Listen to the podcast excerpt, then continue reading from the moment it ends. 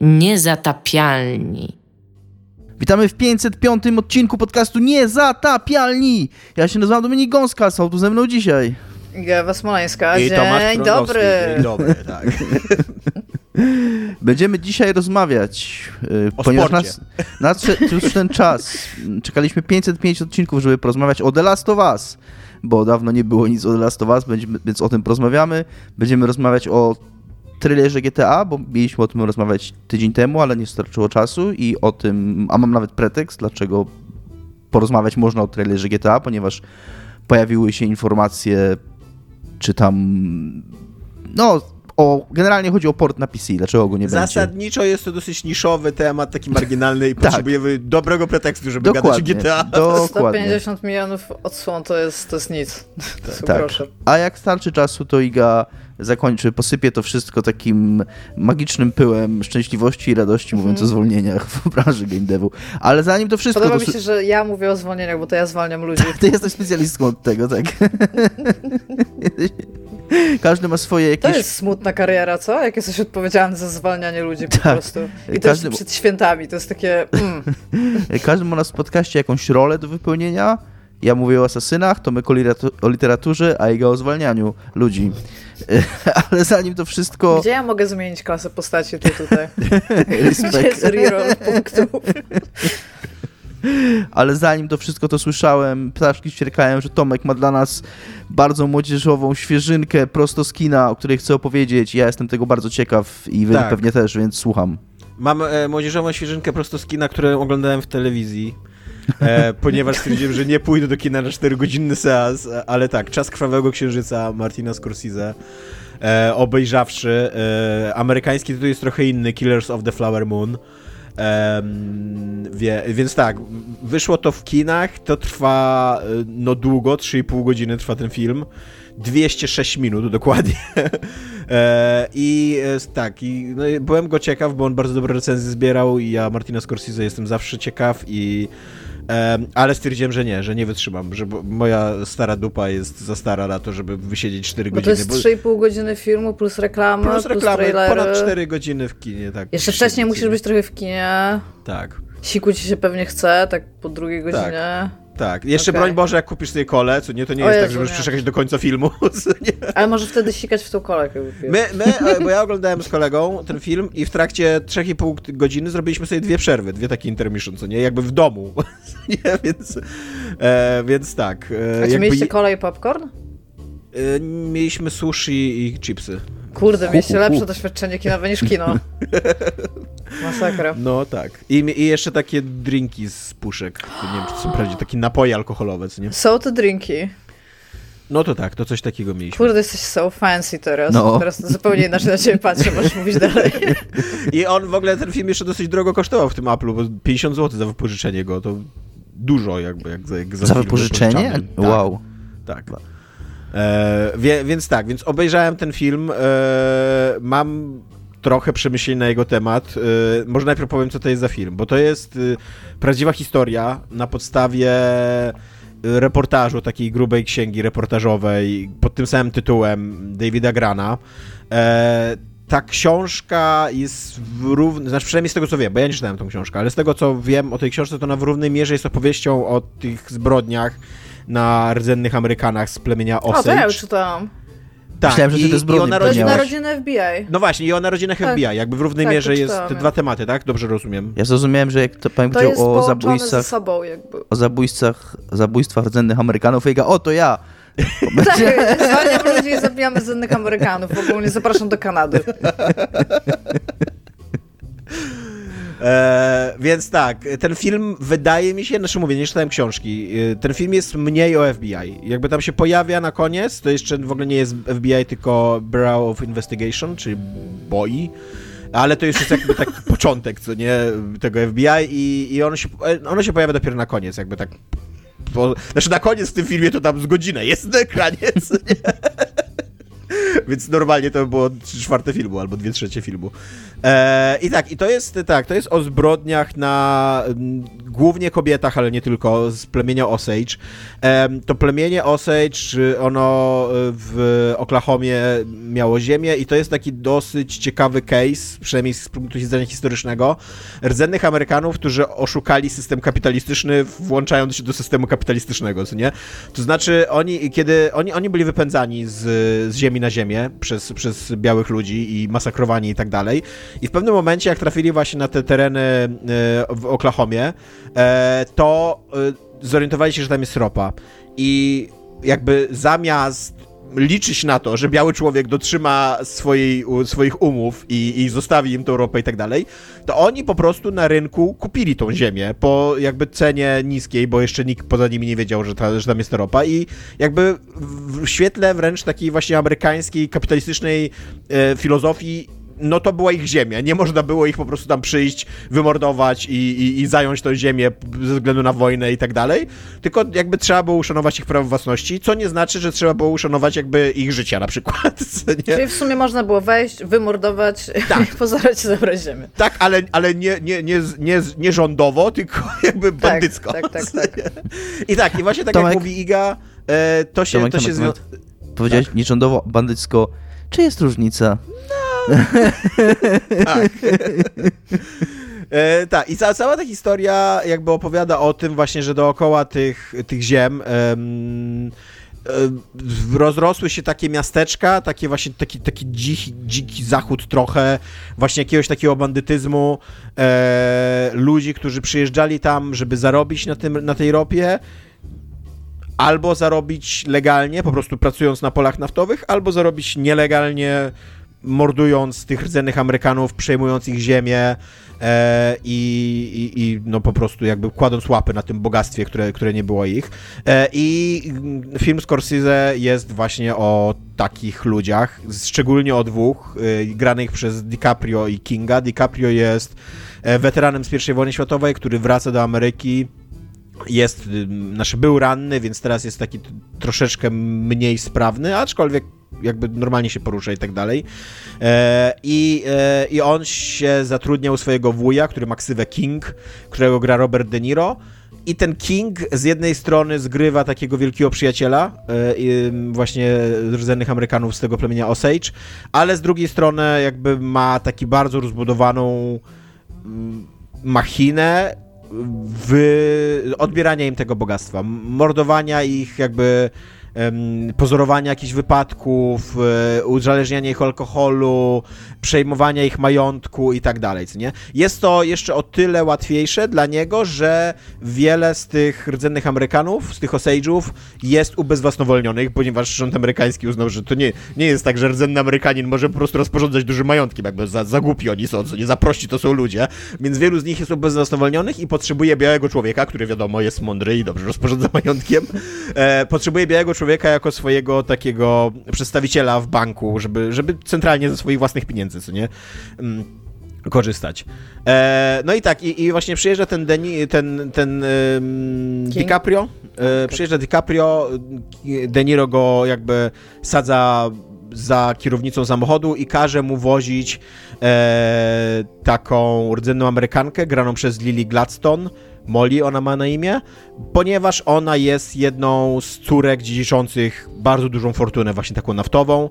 I ogólnie plan w miarę jasny od y, początku raczej filmu jest taki, żeby on ją w sobie rozkochał, żeby ona za niego wyszła i później oni po kolei mordują te, te siostry i e, ale jak nie mordują, to w jakiś sposób próbują ją ubezwłasnowolnić, jakoś położyć po prostu łapę na tym, na tym majątku, co nie? E, I tak, e, jakby odpowiadając na najważniejsze pytanie, ten film nie jest wart 3,5 godziny, moim zdaniem. To jest, to jest super film, bardzo dobrze się go ogląda. Jakby Scorsese potrafi robić kino, e, ale on ma bardzo powolny rytm, ma taki często są takie sceny, w których nic się nie dzieje, takie ciągnące się sekwencje, takie widoczki, po prostu, że kamera idzie i tak dalej. I wydaje mi się, że jakby treść tego filmu jest absolutnie do zmieszczenia w krótszym filmie. Co nie jakby to już historycznie udowadnialiśmy, że potrafimy opowiadać bardzo skomplikowane i długie historie w dwie godziny, dwie i pół godziny i nawet krócej. I, e, i te 3,5 godziny czuć bardzo, jak się ogląda ten film. E, ja w ogóle uważam, że. Znaczy, uważałem, zanim zacząłem robić tam research do odcinka, że ten film potrzebuje dobrego montażysty albo edytora, aczkolwiek okazuje się, że on miał bardzo dobrą montażystkę. I ona otwarcie broniła tego, jak ten. Telma Schoonmaker się nazywa. I ona otwarcie głośno broniła tego, jak długo jest ten film, jak on został zmontowany i tak dalej. Więc no było to zamierzone i moim zdaniem to nie jest dobre. Jakby, jakby to, to działa na niekorzyść tego filmu. Co nie? On, on jest miejscami jest naprawdę bardzo męczący, co nie? Eee, natomiast jeżeli jesteście wkręceni w samą taką historię, jesteście w stanie przełknąć tą długość i fakt, że to jest film, a nie serial, to jest bardzo interesujący, wciągający i, i taki autentycznie fascynujący momentami, jeżeli chodzi o jakieś takie studium postaci tego, zwłaszcza tego Leonardo DiCaprio, nie tego, tego Ernesta, bo on z jednej strony od początku wie, w jakiej historii bierze udział. Jakby to nie, on nie jest niewinny, ani nie jest wrabiany, ani nie jest manipulowany. Znaczy jest manipulowany trochę, ale, ale także wie, że jest manipulowany. Wie, jakby zdaje sobie sprawę, że oni tam nie robią nic dobrego. A z drugiej strony wydaje się być autentycznie zakochany w tej Moli, w tej, w tej swojej żonie, którą no, prowadzi ku śmierci, co nie? Jakby bardzo, bardzo z rozmysłem i z zimną krwią na rozkaz swojego wuja. E, więc jakby DiCaprio i, i zresztą ta właśnie Lily Gladstone, oni bardzo fajnie grają taki przedziwny, miłosno-toksyczny związek, który jakby w takich intymnych scenach wygląda bardzo przekonująco, że oni się bardzo kochają, bardzo się dbają, a z drugiej strony jakby widzisz też zaplecze tego związku, widzisz co on jej robi i wiesz, że ona najprawdopodobniej w jakimś stopniu jest świadoma tego, co on jej robi, tylko nie ma na to dowodów i jakby woli no nie konfrontować się z nim tak otwarcie i, e, i, wierzysz w to, jakby, jakby cała ta chemia jest, jest okej, okay, co nie?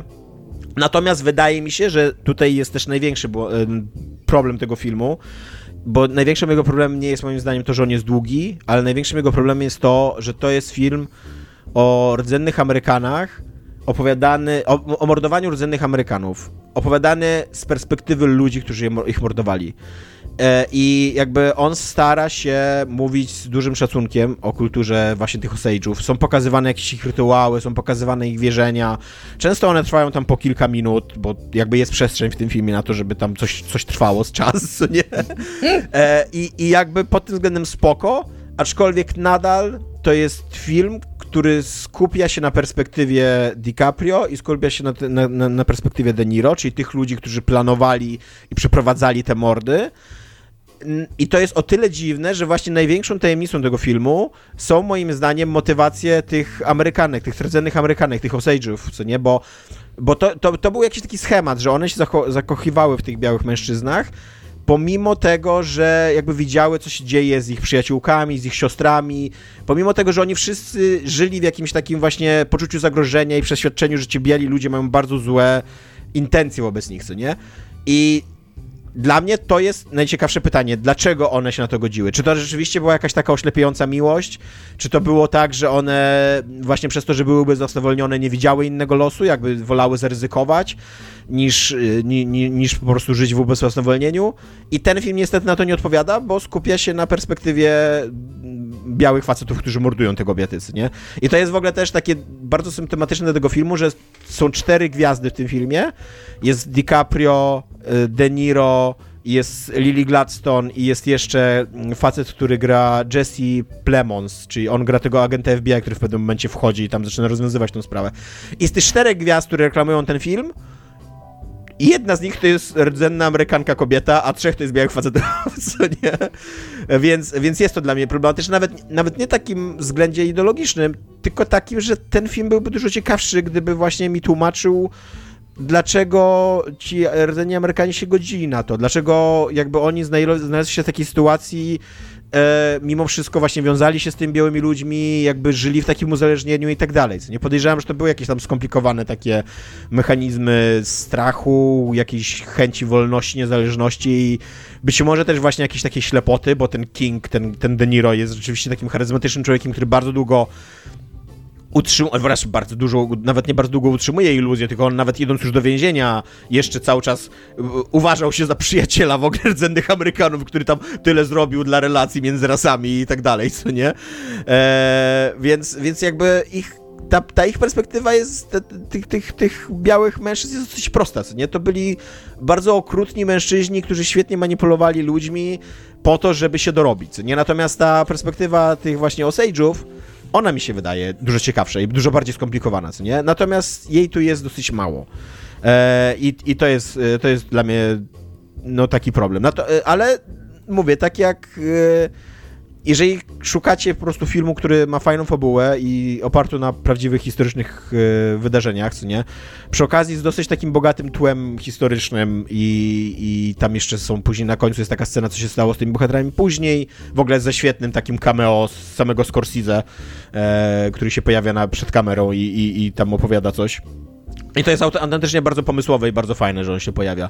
E, to tak, to, to, to, to super film, bardzo go polecam. Natomiast jest to taki film nieco problematyczny ze względu na czas i ze względu na perspektywę, z jakiej jest opowiadany, co nie? E, więc tak, to jest grane u mnie, a druga rzecz, którą chciałbym polecić tak e, bez żadnych zastrzeżeń, to jest komiks, m, mm, który przeczytałem sobie wczoraj. E, komiks e, nazywa się The Fixer, e, Joe Sacco. Tutaj do kamerki teraz pokazuję okładkę e, Dominikowi Idze. I jest to... W Sarajewie.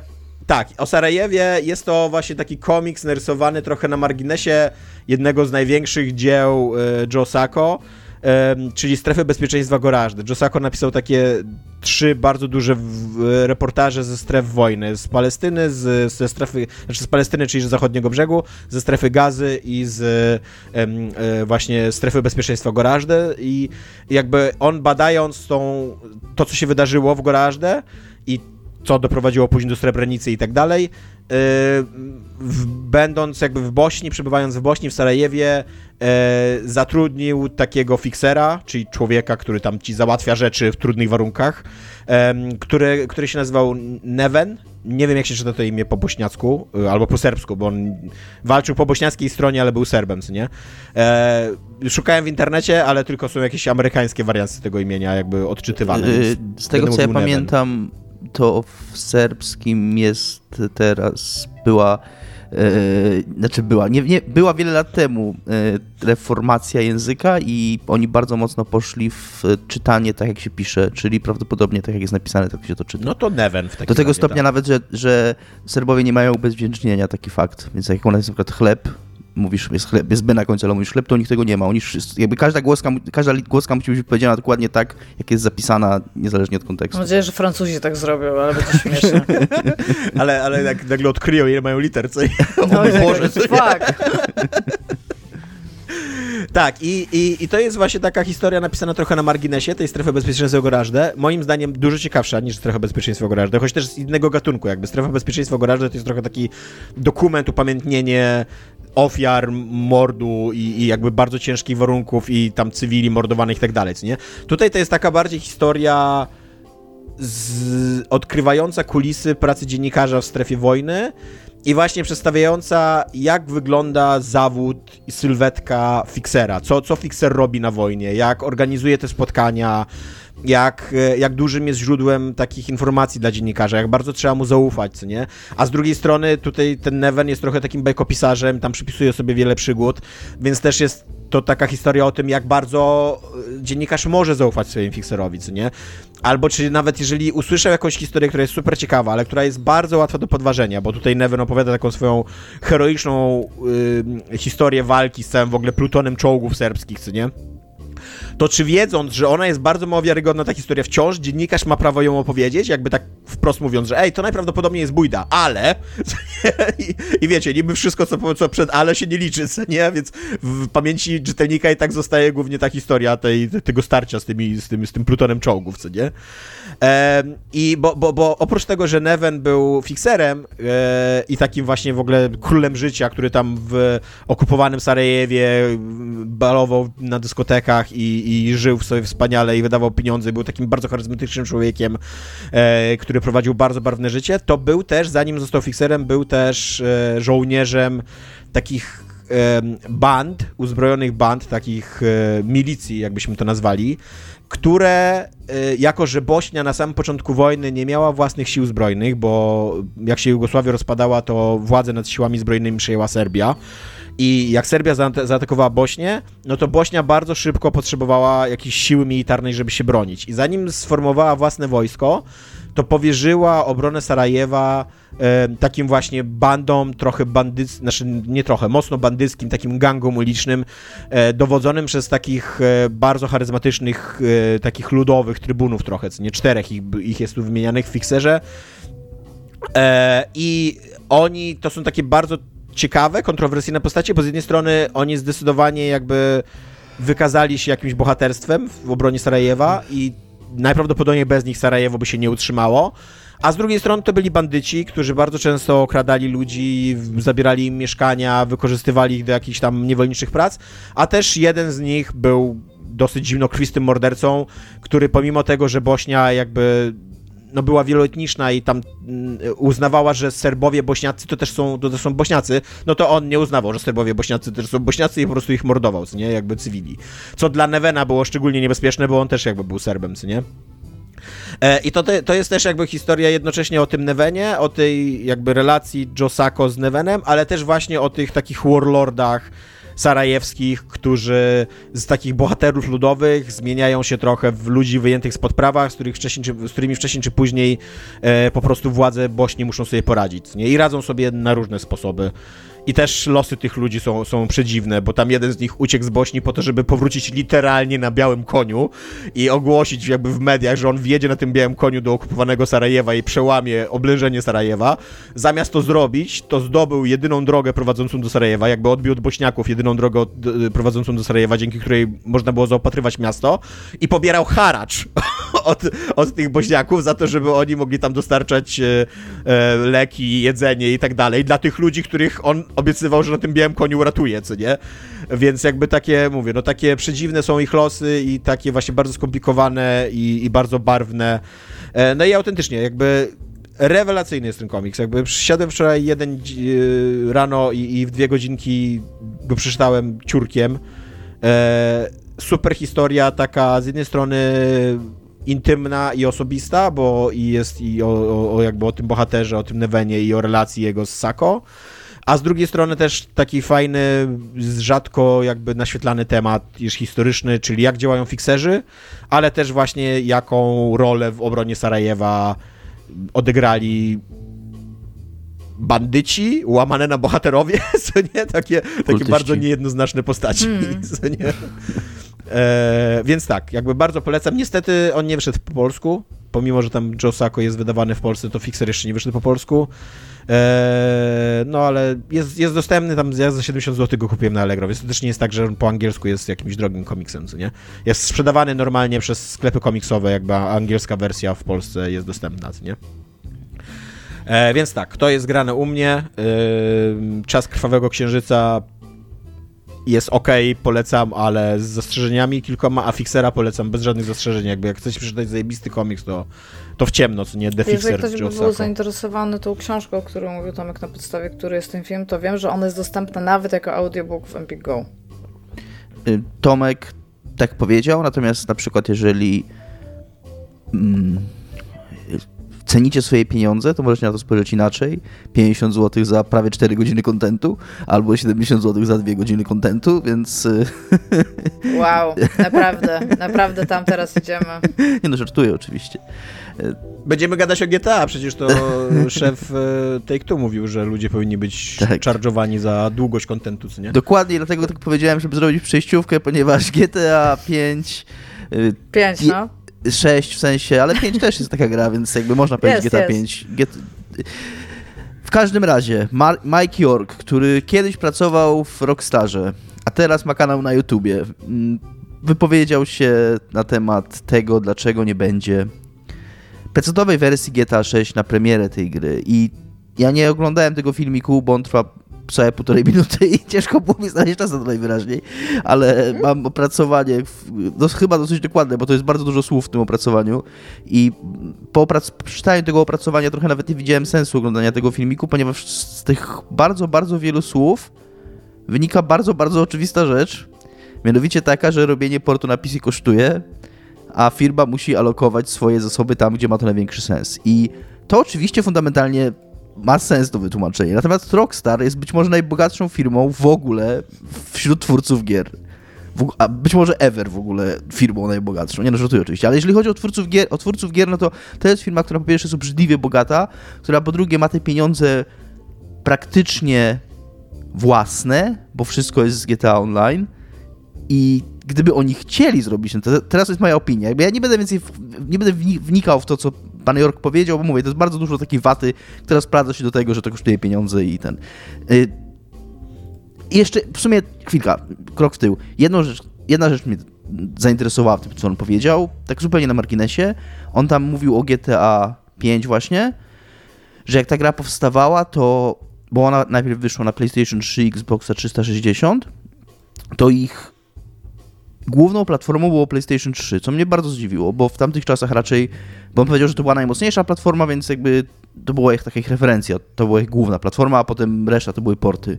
W sensie port na Xboxa, a później port na PC i później na wszystko inne i na wszystkie inne kolejne konsole to mnie o tyle zaskoczyło, że w tamtych czasach raczej była taka perspektywa, że Xbox 360 był tą główną platformą, bo mimo, że A był to faktycznie... chodzi o to, że, był, że mocniejsza technologicznie była. Mocniejsza technologicznie, tak, ale mm, była taka perspektywa, wtedy pamiętam to dobrze, że faktycznie PlayStation 3 jest mocniejsze, natomiast gry wtedy wyglądały generalnie lepiej na Xboxie, bo się na niego łatwiej pisało te gry, że faktycznie PlayStation 3 miało te nie, tak niezmierzone pokłady mocy, natomiast... No tak było tak, tak. No, Cały czas odkrywamy jakieś tam pokłady mocy jeszcze w PS3, co nie tam... Natomiast, y, no tak, to mnie, to mnie zaskoczyło. I tak samo tłumaczy, że teraz też tam jest, jest bla, bla, bla, platforma główna i kosztuje pieniądze i tak dalej. Ja w to nie wierzę. Po, po prostu. Zwykle po ludzku w to nie wierzę, bo ich na to stać. Gdyby chcieli, to by to robili, a oni doskonale wiedzą, że jak, że jak tą grę wydadzą za rok na PC, dodadzą jakieś tam dodatkowe ray tracingi, path tracingi, gówna na kiju, to ludzie tą tak, grę... na to ludzie tę grę po prostu kupią drugi raz, nawet jak już ją będą mieli na konsolę. z tego, co mówisz, Dominik, najbardziej cię nie urzekło, bo to, że oni mają wszystkie pieniądze, to to spoko, ale on, ten pan jeszcze mówi, że idealnie byłoby, jeżeli byłaby firma na tyle duża, żeby robić wersję na PC, osobną wersję na PlayStation 5 i osobną wersję na Xbox. Jak jakby, duża? Gdyby tylko była duża firma, nie? Jakby Rockstar. Gdyby, mm, gdyby, tylko mogło, gdyby tylko taka firma istniała na rynku, nie? Tak. Jakby... No bo to, tak. to było takie strasznie dla mnie takie urocze po prostu. No pewnie, no jakby tylko były takie duże firmy i te tysiące ludzi, którzy pracują w Rockstarze. Szczególnie, że jest wiele firm mniejszych od Rockstara, które wydają swoje gry jednocześnie na PC i konsole i to nie jest jakiś taki wielki problem, szczególnie w dzisiejszych czasach, kiedy te konsole... Znaczy to, to wciąż jest problem, ja tu ja nie chcę powiedzieć, że tak, to nie jest tak. problem, być może tutaj ten, ale no po prostu Rockstar jest firmą, która się najmniej powinna martwić Dokładnie, o zasoby ludzkie. No, tak, tak. Może tak. Nie wiedzę powinien... technologiczną i pieniądze za tym, bo wiedzą też przy okazji, że GTA 6 się sprzeda jak popierniczone, więc jakby to jest też zero ryzyka w ogóle z ich strony, nie? Tak, jakby, dokładnie. Tak. Dokładnie, ale mówię, ja, ja, ja uważam, że to jest cyniczne po prostu. Co myślisz, Tomek? E, zastanawiam się nad tą myślą Igi, że to jest zero ryzyka. Jakby zastanawiam się, czy czy rzeczywiście GTA 6, które pochłonęło chyba wszystkie miliony, miliony tego świata, wszystkie pieniądze, co nie?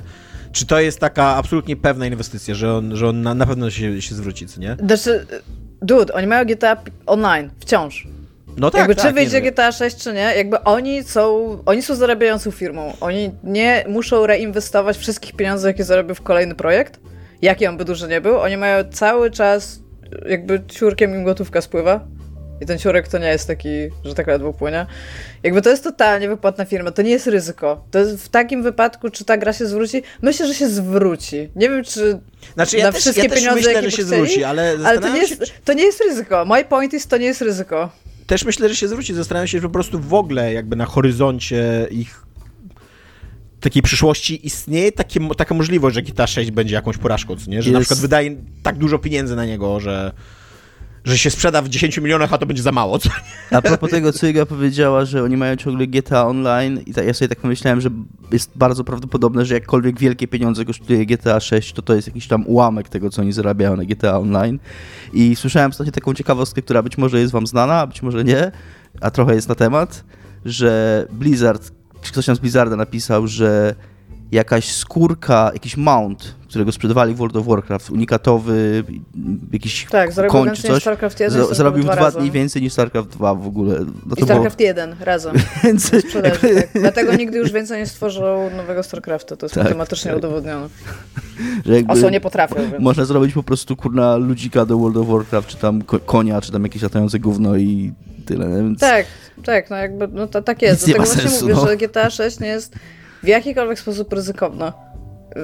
Czy mogliby to od razu wydać na PlayStation 5, Xboxa i PC? Głównym patentem Xboxa i problemem z nim jest to, że ciągle by musieli to wydać na Xboxa Series S i pewnie tam dłużej im zajmie tam po prostu zdowgrindowanie tej gry na tyle, żeby tam mogło działać. A czy mogą to wydać razem z PlayStation 5 i na PC? Pewnie by mogli, ale pewnie by musieli troszeczkę później wydać to na PlayStation 5 i to jest, to jest tylko tyle.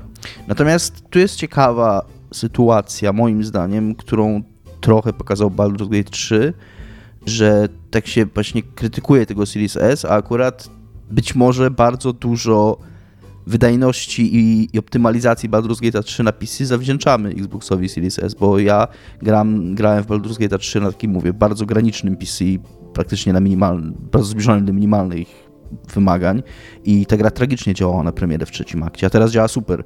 Jakby tam po drodze jest ten Series S, który, na który oni musieli naprawdę przysiąść, żeby ta gra w ogóle się tam odpaliła, więc jest pewien też pewien zysk dla graczy PC-owych z, z, z istnienia Niby tak, tylko że deweloperzy nie chcą tworzyć na słabe PC-ty i Xbox Series S. To jest tak, gigantyczny problem dla deweloperów. Tak. Deweloperzy niech się wezmą do roboty. Ja bym, ja, ja bym tylko... w ramach, w sensie, jeżeli mogę mówić za wszystkich deweloperów, my pracujemy bardzo mocno. Jakby zostawcie nas w spokoju. Nie ja znamy chciał... was, nie wiemy kim jesteście. Ja bym chciał tylko dla skali powiedzieć, że nad GTA 3 pracowało 25 osób i zrobili w 2,5 roku tę grę. I jednocześnie jak pracowali nad Vice City, to w tym samym roku zrobili też port GTA 3 na PC, więc to nie jest trudne zrobić port GTA na PC. A też dla skali Skyrima robiło około 100 osób, a nad GTA 5 przez cały cykl jakby, czyli tam z 13 lat już ta gra, nie? Pracowało 6 tysięcy osób. Z 25 Gdyby trójką do 6 firma, która mogłaby tak, no tak, dokładnie. ludzi na trzy zespoły. Która by mogła sobie pozwolić na to, żeby zatrudnić 6 tysięcy osób do pracy nad jedną grą, nie? Gdyby, no. gdyby istniała taka firma. Musiałaby bardzo dużo zarabiać i mieć jakiś stały dopływ pieniędzy do siebie, tak, gdyby tylko to tak. było Jakiś takie gigantyczne IP, co nie? Pewnie jakiś open world, kurde. I najlepiej, żeby byli bazowani w Europie, żeby prawa pracowników były przestrzegane. Y, jednocześnie ukazał się trailer GTA 6 parę tygodni temu, który w ciągu tam paru godzin jakieś 50 milionów wyświetleń na YouTubie już miał.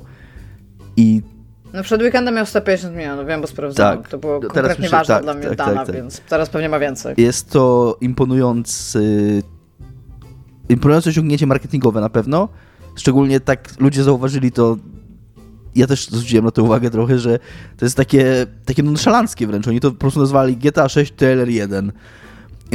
Wrzucili to wcześniej niż planowali, bo tam wyciekła ta, wyciekł ten trailer, więc chcieli, żeby ludzie dostali oficjalną wersję i tam z 8 godzin czy 12 później i po prostu na swoim koncie na Twitterze, Xie napisali też jedno zdanie takie bardzo nonszalanckie, że trailer wyciekł, więc macie do oficjalnego go.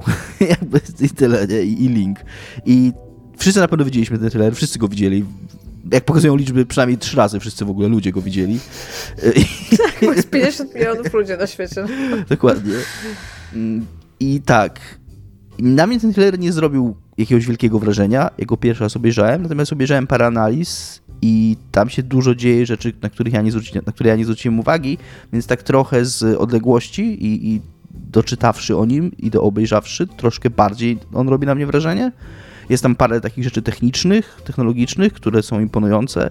Tam jest prawdopodobnie, prawdopodobnie są pełne odbicia ray tracingowane na nim. Z tego, co tam Digital Foundry wyliczyło, że tam jest na przykład taka scenka, że człowiek idzie po ulicy jego odbicie jest widoczne nawet jak samochód go mija, co ewidentnie pokazuje, że to nie jest tylko to, co się nazywa screen space reflection, tylko faktycznie jest ten ray tracing, że faktycznie to odbicie jest nawet jakiego nie widać. I też y, to, na co wszyscy ludzie zwracają uwagę, co się bardzo rzuca w oczy, to jest fizyka włosów, która jest fenomenalna w tym, w tym trailerze. Chyba w ogóle najlepsza fizyka włosów ever w grach. To jest zawsze mega problem, żeby te włosy wyglądały naturalnie, a te wyglądają bardzo naturalnie. Więc to takie technologiczne pewne... Fizyka wąsów dla mnie dużo ważniejszym elementem gier. Jeżeli byśmy mogli zacząć o tym rozmawiać, deweloperzy, to spotkajmy się na następnym spotkaniu deweloperskim. Jakby i też ta jakość graficzna, te właśnie wszystkie bariery, ray tracing, włosy, modele postaci też przy założeniu, że to jest otwart, że to jest open world, to jakby to jest taki, taka jakość grafiki, raczej, której się raczej człowiek spodziewa po liniowej grze. Ale poczekajcie, to, to, to wciąż jest tylko trailer. Tak, tak, właśnie chciałem skończyć i, okay. i zaraz wam oddam głos. Natomiast po pierwsze to są wszystko cutscenki, na to, na to trzeba mocno mm, położyć nacisk, nawet jeżeli to jest na silniku, bo to jest na silniku prawdopodobnie. Jakby, Właśnie prawdopodobnie. Prawda, no raczej tam, tam, oni oczywiście Digital Foundry tam znaleźli jakieś artefakty, jakieś niedoskonałości, jakby raczej nie ma co do tego wielkich kontrowersji. Oczywiście jest możliwe, że to jest wielkie oszustwo, jakby jak najbardziej, ale raczej tutaj wszyscy zakładają, że to jest na silniku, natomiast wciąż jest olbrzymia przestrzeń pomiędzy cutscenką na silniku, a tym, co będzie widać w grze na silniku. Jakby to jest pierwsza rzecz, na którą trzeba zwrócić uwagę, jak się mówi o tej jakości graficznej tego trailera. A tak poza tym to taki tam parę scenek, parę ujęć, pokazana lokacja Vice City, bardzo ładna piosenka w tle Toma Petiego, o którym... To jest bardzo dużo też zapożyczeń do memów.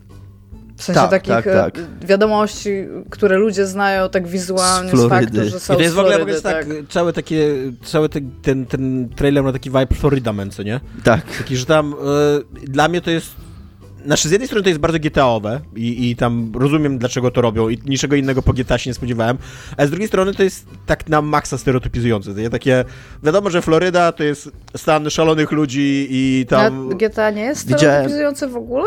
Widziałem no jest, wypowiedzi jest, ludzi, jako, widziałem na Reddicie wypowiedzi ludzi z Florydy, którzy pisali, że... Y, są zaskoczeni, jak, y, z jaką rezerwą Rockstar pokazał ich, ich stan. Znaczy, no jeżeli gdzieś, jeżeli chcesz jakiś stan, gdzie możesz sobie pozwolić na trochę więcej, jakby jeżeli chodzi o taką właśnie stereotypowe myślenie, no to Floryda jest dokładnie takim stanem, tak? Chciałem tylko powiedzieć, że nie wiedziałam o tym, że Tom Petty był z Florydy, więc wybór tej piosenki nie jest yy, jakiś losowy, tylko, tylko też. Co wy myślicie poza tym tak ogólnie o trailerze? Ja nie jestem zainteresowana GTA od bardzo dawna. Jestem na tyle zainteresowana, że wiem, że jest ważne, jakby jeżeli chodzi z punktu widzenia growego. A nie są to gry, które są dla mnie ze względu na to, ile jest gry w tej grze. I to nie jest też tak, że ja się jakoś mega w nich bawię. W sensie, okej, okay, w GTA 4 y, cały tam wątek Gaytoniego był super fan, jakby do grania.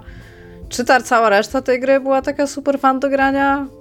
Ma swoje momenty. Czy... Iga, wiesz, ale przez najpra najprawdopodobniej przez pierwszy rok, półtora, być może nawet dwa po premierze, ta gra będzie miała mniej niż 20 recenzji na Steamie. Pewnie tak. Znaczy, po premierze na PS5 na pewno. Znaczy, jest tak, jakby ja, ja na pewno nie będę w nią grać na premierę. I ten, jakby to się nie tyczy trailer. Trailer, trailer, trailer wygląda jak fajny GTA 6 wciąż GTA 6 nie jest dla mnie. I jakby to mi pokazuje, że to jest więcej GTA, które nie jest dla mnie. Jakby czy... Bo tam, e, tam jest tam tych dwóch protagonistów, tak? I wszystko, czy, czy to jest fan? Pe pewnie tak, pe pewnie jest. Jakby zupełnie nie interesują mnie po tym trailerze losy tych ludzi. Ale bardzo mnie interesują wszystkie właśnie te spotlighty florydowe, te takie memiczne jakby, tak? To, to, to mi się wydaje, że ta, tam można z tego dużo wycisnąć. I tego, jest, tego nawet trochę jestem ciekawa. Więc to, to o tym myślę. Raczej nie będę grać w GTA 6 po premierze, być może po, później, później. Ja niestety jestem łasy na takie wydarzenia, więc pewnie będę grał na premierę. Bez, bez GTA, no GTA zawsze było fan, bez przesady. Można się tam... GTA zawsze było długie. To prawda, ale ja, jest, ja jestem mną, nie? więc wiesz. Więc nie przejdziesz go przez 7 pierwszych razy, jak będziesz w nie grał, potem je przejdziesz. Super. Więc zrobisz tak naprawdę dużo więcej czasu w GTA. A ty Tomek, co myślisz? Ja będę grał raczej w GTA, nie dlatego, że jestem jakimś wielkim fanem, ale tam raz na 10-15 lat można zagrać w GTA. Eee, I raczej nie wiem, czy na premierę. Ta gra pewnie będzie kosztowała 189 dolarów, co nie, na, na, na premierę i e, nie wiem, jakby, czy będę na tyle zajarany, żeby... Myślisz, że jest coś w tych plotkach? Bo słyszałem takie plotki właśnie, że oni mają wystrzelić z jakąś w ogóle ceną z kosmosu. Myślisz, że to jest prawdopodobne, że będą chcieli... Nie faktycznie... wiem, znaczy nie wiem, czy cena Myślę, z kosmosu... mógłby. Nie wiem, czy cena z kosmosu, ale na przykład 80 dolarów, 85 dolarów, co nie? W porównaniu do dzisiejszych 70 Myślę, że to, jest, że to jest jak najbardziej realne, zwłaszcza, że moim zdaniem najważniejsza wiadomość, jaka jest w tym trailerze, to jest to, że ta gra wyjdzie w 2025 roku. Nawet to nie prawda. w przyszłym roku, tylko jeszcze w następnym roku i nawet nie wiadomo w jakim miesiącu, ani w jakim kwartale, co nie? Więc ona może wyjść, kurde, na święta 2025, za dwa Mi się lata, wydaje, nie? że ona z 400 będzie kosztowała na nasze. 390 zł bym mówiła. Czyli, że ze 100 dolców, tak? tak no, tak, ta, ta, ja w sensie teraz tak mówię, nie mam niczego, co czym jestem w stanie tu argumentować. Tak mi się wydaje. Można to zapisać i możemy zobaczyć za dwa lata.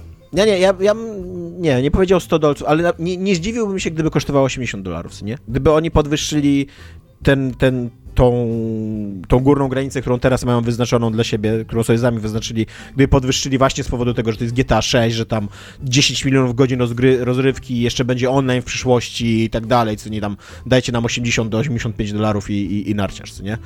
E, i, i, pewnie ludzie dadzą i, i będą, będzie się grać i, i tak dalej, nie?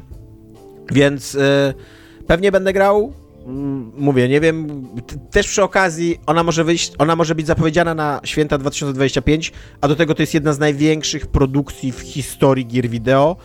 Nie bądźmy zdziwieni, jak ona się opóźni.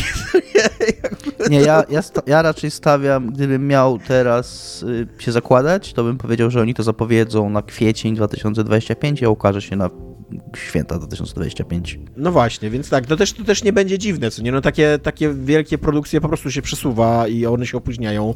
Lepiej to niż tam, żeby pracownicy umierali nad biurkami, co nie? E, więc, więc ja bym się nawet Albo nie zdziwił... Albo więcej pracowników wtedy, to Wiesz że, wiesz, że nie jest wcale łatwiej zarządzać projektem, nad którym pracuje więcej ludzi po prostu. To wcale się nie przekłada na to, że ta gra szybciej powstanie często, nie? Nie, ale często, e, w sensie nie wiem, nie wiem jaka jest tam polityka Rockstara, jeżeli chodzi o takie rzeczy, ale bardzo często jest coś takiego, że podnajmujesz sobie studio, jakiś taki powerhouse albo w ogóle outsource.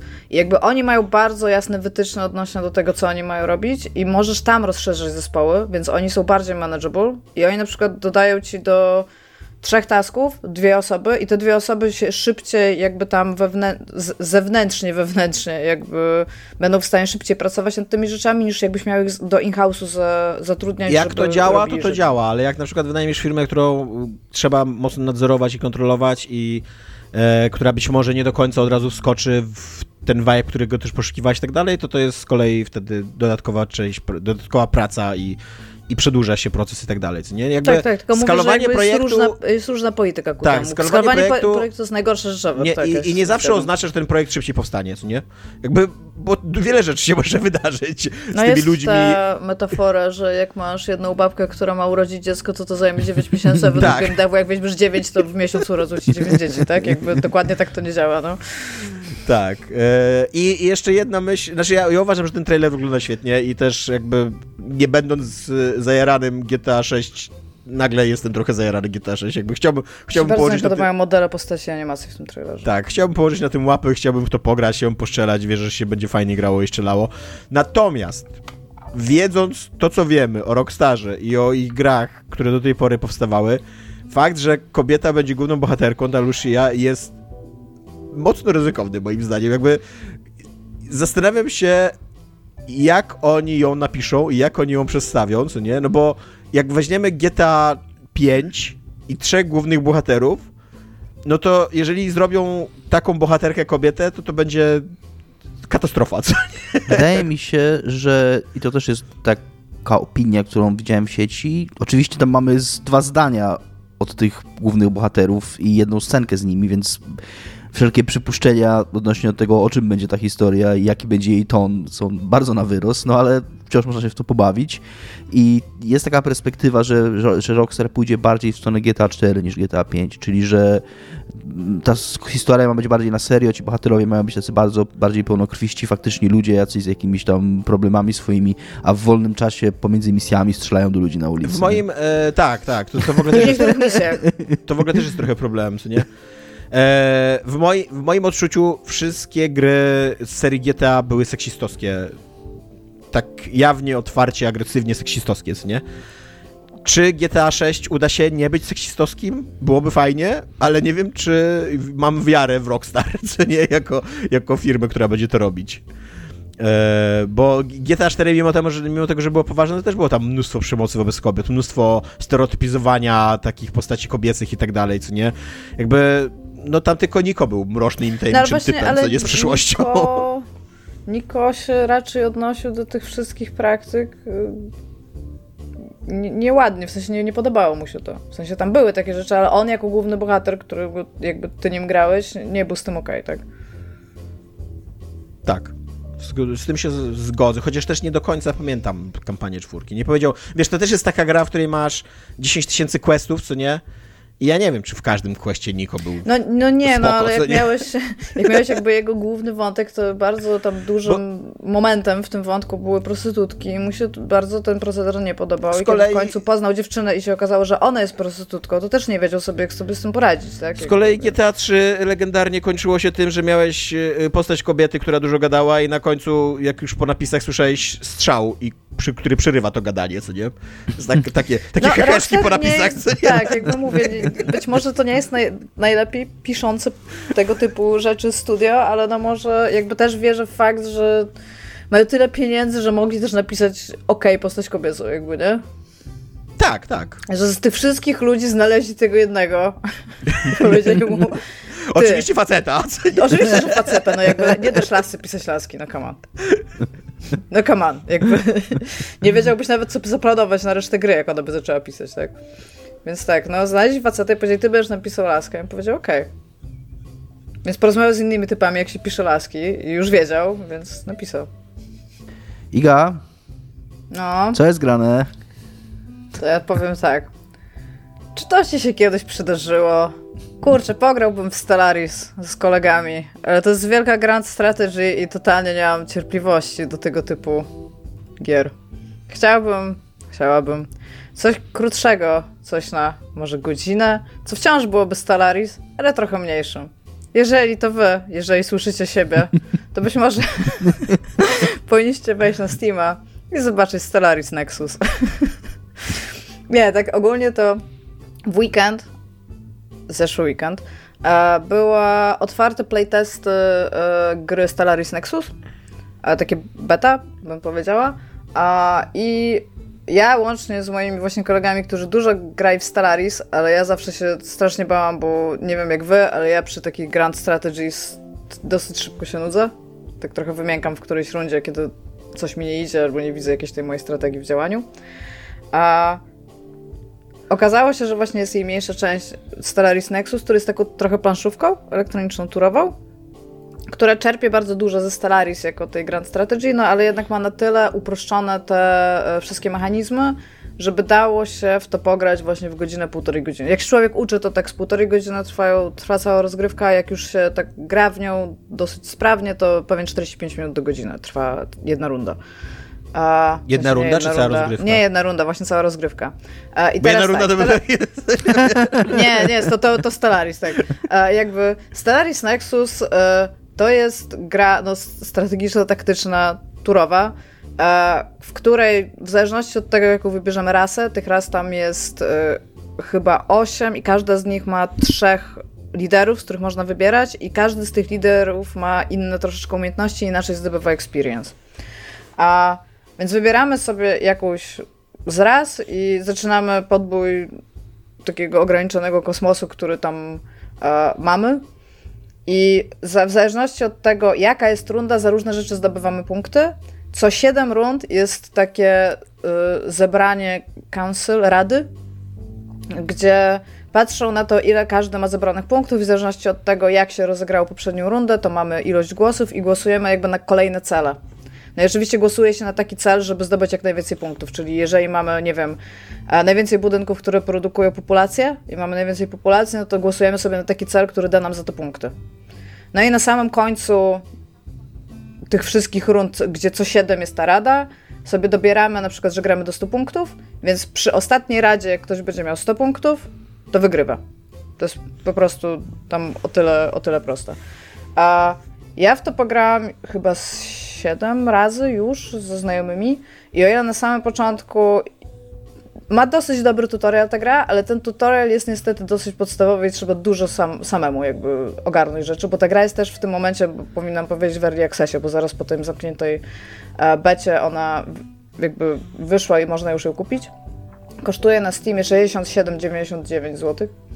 A jest to fenomenalny pastime activity, bo przez to, że to jest turówka i mamy tam określoną ilość ruchów, w zależności od, te, od jakby surowców, które wydajemy na te ruchy, bo to, to też jest różnie, daje nam zarówno taki moment, żeby sobie pomyśleć, e, pograć ze znajomymi, jak i jest zawsze taki moment, że się czekasz, wszyscy klikną skończ turę i można porozmawiać, a przez to, że ona też bardzo mocno polega na współpracowaniu i nie współpracowaniu z ludźmi, to jest szalenie zabawne, kiedy się tworzy sojusze, jakby nie mówiąc o tym innym ludziom i tylko działając jakby trochę w, tak, znaczy trochę w sekrecie i tam współpracując z kimś na przykład na pięć rund do przodu. I ma do tego też w ogóle prompty w samej grze, żeby można było klikać i szybko się porozmawiać z daną osobą, jakby się chciało. A jest, y, jakby te sojusze zawieracie na jakimś in-game komunikatorze, czy na Discordzie sobie na zewnątrz? E, wiesz co, i tak i tak. W sensie, je, jesteś w stanie zrobić power move, gdzie mówisz, ej, tam ziomeczku, widzę, że masz dobrą flotę, ja też mam dobrą flotę, być może powinniśmy się zziomać i potem wszyscy widzą, że macie pokój. Tak? Albo tam jakieś e, rozporządzenie od nieagresji, bo to też jest inna rzecz. A, albo na przykład e, możesz, możesz centralnie w grze jakby kliknąć ziomeczkowi i powiedzieć, ej, tam jest taki prompt, want to work, wanna work together? I ta osoba może pokazać łapkę w górę albo łapkę w dół na odpowiedzi na to, no i wtedy możesz jej dać jakby, dobra, no to chodź, będziemy teraz współpracować. Albo możesz też na przykład szczuć innych ludzi na kogoś, na przykład, ej, potrzebuję, żeby tego ziomeczka ściągnąć z mapy, nie? Jest, jest naprawdę fenomenalnie fajne to. Jak, jak nie lubię planszówek, znaczy w sensie tego typu. Nie jestem super fanką takich bardzo competitive, szczególnie strategicznych rzeczy, gdzie trzeba pomyśleć te 10 ruchów dalej, albo jakiego idziesz w cudzysłowie builda. A jakby totalnie jest to, jest to naprawdę bardzo duży fan i jeżeli, ja wychodzę z takiego założenia, że jeżeli ja to ogarnęłam w dwie gry, jak graliśmy, na tyle dobrze, żeby potem już móc być normalnym przeciwnikiem do ludzi, którzy normalnie grają w planszówki, to uważam, że jest ten system łatwy do rozkminienia, ale trudny już potem do ogarnięcia, szczególnie, że każda, każdą rasą i każdym liderem gra się inaczej. Więc e, na pewno ma to też bardzo dużo replayability, no szczególnie, że jest to planszówka. Można też grać solo, jest jakiegoś tam typu, tam to się chyba nazywa sukcesja, taka jakby trochę kampania, w, którą, w którą można sobie pograć. A, no jeżeli się lubi klikać, a nie chce się wchodzić już w takie naprawdę głębokie rzeczy, tam jak cywilizacja i Stellaris, no to jest to dużo, dużo prostsze, żeby sobie tak pograć na chwilkę i usiąść i, i sobie po prostu wyjść. Plus jest do 8 osób, tak, do 8 osób, więc no, można pograć z siedmioma znajomymi, albo tam z czterema i czterema komputerami, jakby whatever, jest, jest naprawdę fenomenalnie fan. I... Zarówno w dwie, jak i tam pięć osób. Autentycznie ta rozgrywka trwa tam 45 godzin?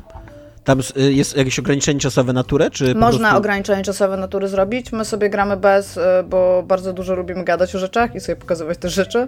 Ale normalnie możesz mieć ograniczenie, normalnie naturę, że no wszyscy się muszą wyrobić i, i tyle. Tak, jak się nie wyrobisz, to po prostu tura mija.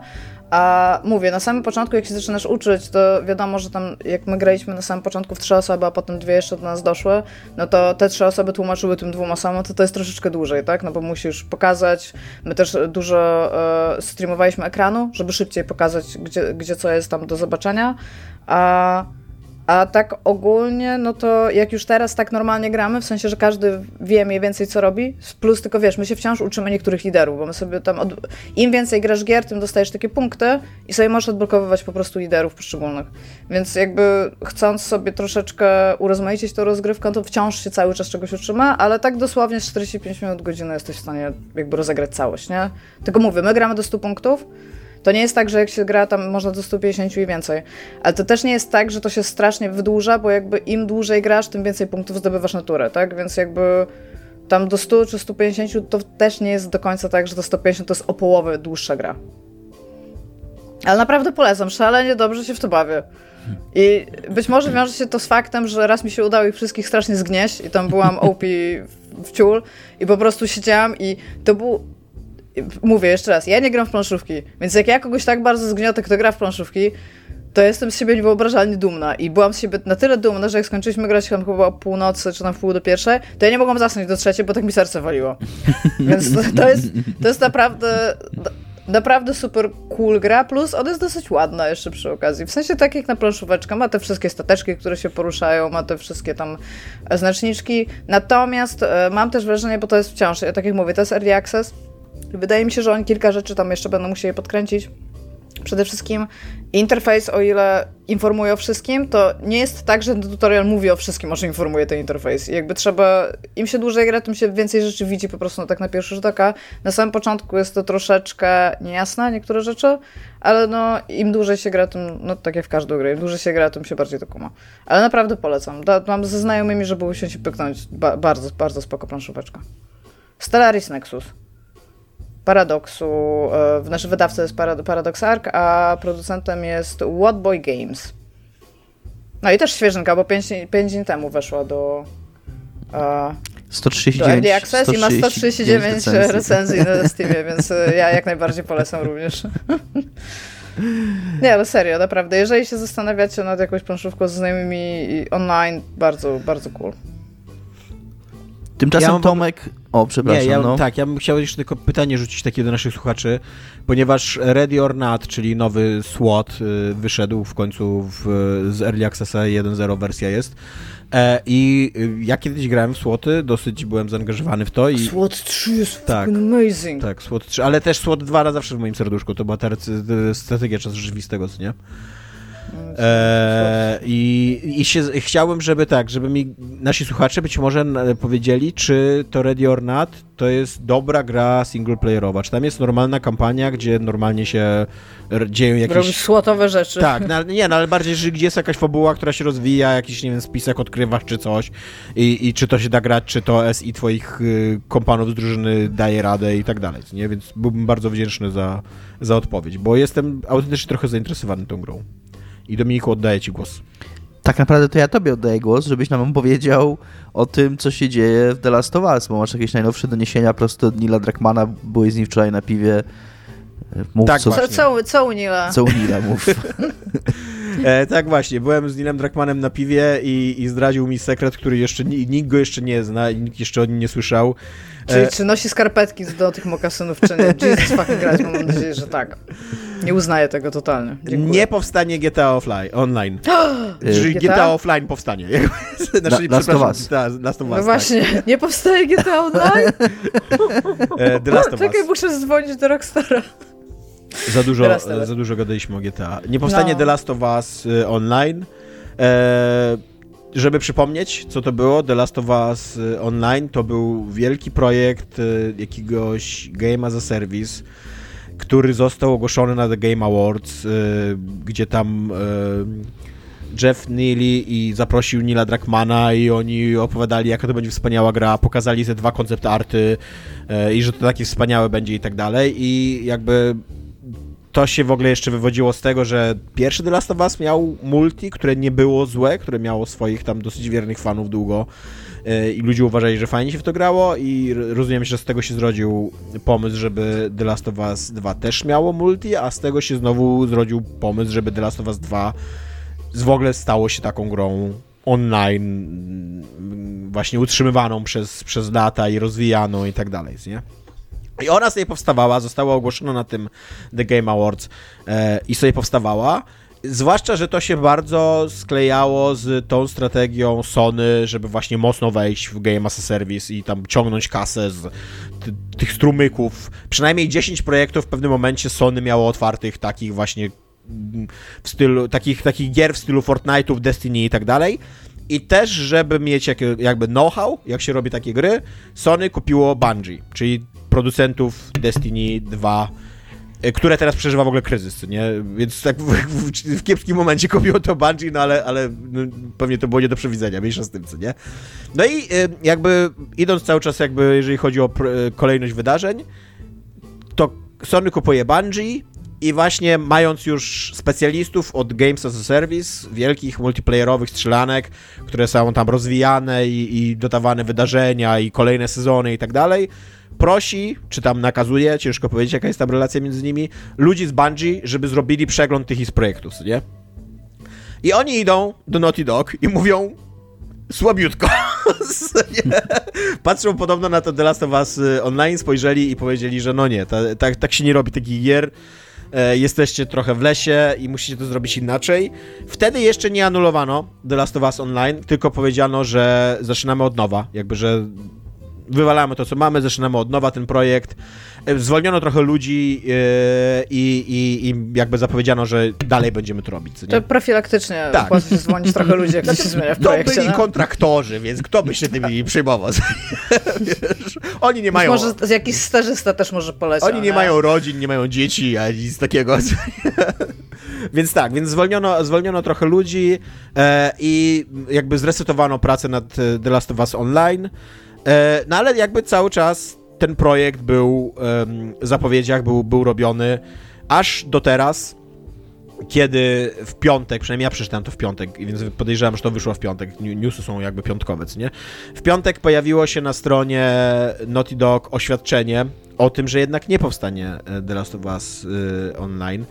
Wytłumaczenie jest takie, że oni robili super grę z której byli bardzo zadowoleni i która wyglądała świetnie. Jakby tam 10 na 10 już sobie dali. Grali wielokrotnie. Co najprawdopodobniej nie byłoby bardzo różne od recenzji. Jakby gry Naughty Dog dostają 10 na 10 nałogowo. Więc, i, I że jakby, że byli bardzo przekonani do tego, w którym kierunku spędza, z, z, zmierzała ta produkcja, ale odkryli, że skala ich ambicji jest nieskończona i niesamowita. I nie mają żeby dosyć... jej podołać. Nie, w ogóle Horyzont ambicji jest nie do przekroczenia. Tak, żeby podołać skali swojej ambicji, żeby to u, u, uradzić, tą wizję u, artystyczną i to ten geniusz, na który oni wpadli, musieliby przestawić całe studio, cały Naughty Dog na tworzenie The Last of Us Online. Nie tylko na tworzenie i wydanie, Słucham? A kto by wtedy no robił remake'i? Tak, tak, kto by wtedy robił remake'i, dokładnie. Nie tylko na tworzenie i wydanie właśnie, tylko na utrzymywanie później przez najbliższe lata ciężko powiedzieć, jak długo taka gra mogłaby żyć. No, tam Fortnite już żyje kilka dobrych lat, GTA Online żyje kilka dobrych lat, yy, Destiny 2 żyje kilka dobrych lat, więc pewnie z 10 lat minimum tak musieliby planować, żeby siedzieć i robić to The Last of Us Online i utrzymywać to i zarabiać na tym kupę kasy i kto by tego chciał, co nie? E, a do tego tak, kto by w tym czasie robił remake'i? To nie, to po pierwsze. A po drugie, e, jakby trochę mniejszy problem, ale też chyba istotny dla Naughty Dog, kto by robił kolejne gry Naughty Dog, co nie? E, single player. I, i, i w, tym, w tym oświadczeniu jest coś takiego, że tak, że musieliby zrezygnować z tego, co do tej pory robili najlepiej, czyli wielkich produkcji 4A za 250 milionów dolarów, e, singleplayerowych opowiadających zamkniętą, fabularną historię i że oni nie są gotowi na taką zmianę. Oni nie chcą, jakby prze, za, zważyli za i przeciw tą swoją niesamowitą perspektywę ambicji i to, co robili do tej pory i stwierdzili, że jednak to, co robili do tej pory bardziej im leży wydaje się również, że po tym jak Bungie przyszło i powiedziało im, że nie potrafią robić tego drugiego, to, to robienie gier single jest jednak chyba bezpieczniejsze biznesowo z ich punktu widzenia. Być może też jakby Sony widząc problemy w, z Destiny 2 i widząc też jakby sceptycyzm ludzi z Bungie wobec ludzi z Naughty Dog stwierdziło, że okej, okay, może lepiej jednak róbmy to, z czego ta konsola, nasze, nasze konsole, czyli PlayStation są najbardziej znane, czyli właśnie ekskluzywy, singlowe, mocno oparte na fabule. E... Wiecie, ile jest ekskluzywów takich totalnych, bo ja musiałam to policzyć w weekend, więc wiem. 15. Ile jest totalnych ekskluzywów, nie, takich, 5. które nie są działane z żadnym innym systemem, wydane, znaczy na, wydane w 2020 roku PlayStation 5. Jeden. Dominik? 5. Jest 5 ekskluzywów. No totalnie nie opłaca się kupować żadnej innej konsoli. Ja... nie, bo ja myślałam, że jest ich więcej, ale jakby realnie usiadłam i sprawdziłam wszystkie, których nie dzielą z żadnym innym systemem, z żadną inną konsolą, jakby A twist jest, jest taki, twist jest taki, że te wszystkie pięć gier to jest jedna gra tak naprawdę, więc bo te wszystkie ekskluzywy są takie same praktycznie. Czyli idziesz tak. korytarzem. Demon Souls jest trochę różne od Spider-Mana no okay, ale, no. ale tak, no. Ale zasadniczo, zasadniczo jakby DNA tych gier, ja się to trochę zgodzę z Dominikiem, jakby tak nie do końca gatunkowo, ale DNA tych gier jest takie, że to jest długie, fabularne gry single z, zrobione za gigantyczną kasę z dużymi bardzo takim production values, nie? Jakby ładnie, pięknie znaczy, wyglądają graficznie. Jakby, tak, tak, nie jest to najgorsza rzecz, jakby. Tak, tak, tak, tak. Tylko ja realnie się spodziewam, że jest ich więcej, jakby wiem, że zawsze się z tego śmiejemy, ale wciąż myślałam, że jest ich więcej. No i się okazuje, że nie. Tak, ja z tego powodu zawsze uważałem, że ta... Być może to jest cope, cope, cope xboxowy, bo, Być może takie jest. Bo, bo prawda jest taka, że Xbox jest jeszcze gorszy, jeżeli chodzi o ekskluzywy. Jakby tutaj nie ma dwóch zdań. Natomiast ja, taka perspektywa, że to PlayStation jest takie wspaniałe, jeżeli chodzi o te ekskluzywy, też jest mocno przesadzona. Bo tak jak ja mówię, tych gier jest kilka. I okej. Okay. A jeżeli chodzi o samą sprawę, no to. Nie, ja jeszcze tylko skończę, dobra? Bo jeszcze, A, okay, okay, jeszcze jedna, jedna, jest taka. Yy, ostatni taki dodatek do tego jest taki, że yy, oni piszą w tym oświadczeniu, że mają. Yy, bardzo ambitne i dalekosiężne plany oczywiście, co nie, i skala ich w ogóle zamierzeń jest niesamowita, co nie. Mają więcej niż jeden pomysł na singleplayerowe gry teraz w produkcji, preprodukcji, ciężko powiedzieć, no jakby na, ta, na tapecie, co nie, jakby, więc stawiałbym, że jedno z nich to jest The Last of Us, kolejne, a drugie ciężko powiedzieć, może Crash Bandicoot, ciężko powiedzieć, jaki będzie ten drugi, co nie, ta druga Uncharted. marka. E, więc tak, więc, e, więc e, robią najprawdopodobniej dwie gry, znaczy robią, no też e, to są produkcje, które tam po 6-8 lat trwają, nie, więc możliwe, że autentycznie dopiero mają po prostu jakiś zarys scenariusza albo pierwsze koncept arty, nie. Najprawdopodobniej myślą o nowym Uncharted i o nowym The Last of Us, bo to, je, to ma sens biznesowy. Nie. Myślisz, że jednak Crash Bandicoot? ja w ogóle właśnie na początku... Ja myślę, że nowa IP. Nie zrozumiałem żartu i myślałem, że serio mówisz, że Crash Bandicoot i tak zacząłem myśleć, czy Crash Bandicoot już przypadkiem nie jest w ogóle gdzieś zupełnie indziej, jest chyba u Activision w tej chwili, czyli Crash, Crash Bandicoot jest u Microsoftu w tej chwili tak naprawdę. Ale, ale Naughty Dog to robiło, nie? No tak, tak, no ale jakby nie, nie spodziewam się, że to jest Crash Bandicoot. Chciałam, żeby to było nowe IP, nie sądzę, żeby to było nowe IP. Tak. Ale teraz, ile oni ludzi uzyskają z tego The Last of Us 2 online, prawda? Więc może by mogli. tak, tak. Ja chciałem coś powiedzieć, ale zapomniałem już co. Aha, że mnie to w ogóle nie dziwi po pierwsze, bo to chyba nikogo nie dziwi. To tyle trwało, że jakby to już wisiało w powietrzu od dawna. No i w sumie tyle. Co się jeszcze chciałem powiedzieć? Nic mnie, to też, mnie to też nie dziwi, bo tak, bo totalnie... No, po tym, to chyba w lutym było, czy w marcu, jak, jak właśnie jak były te newsy, że ludzie z Bungie spojrzeli w The Last of Us Online i powiedzieli, że nie, że to, to, to nie tak, co nie? Więc y, resetowanie takiego wielkiego projektu to jest jakaś gigantyczna inwestycja pieniędzy, czasu i, i, i raczej bardzo ryzykowna i mało opłacalna. Natomiast ja się szczerze mówiąc cieszę. Jakby to, to nie jest tak, że jestem jakimś trufanem gier Naughty Dog, lubię je, ale, ale tam bez przesady.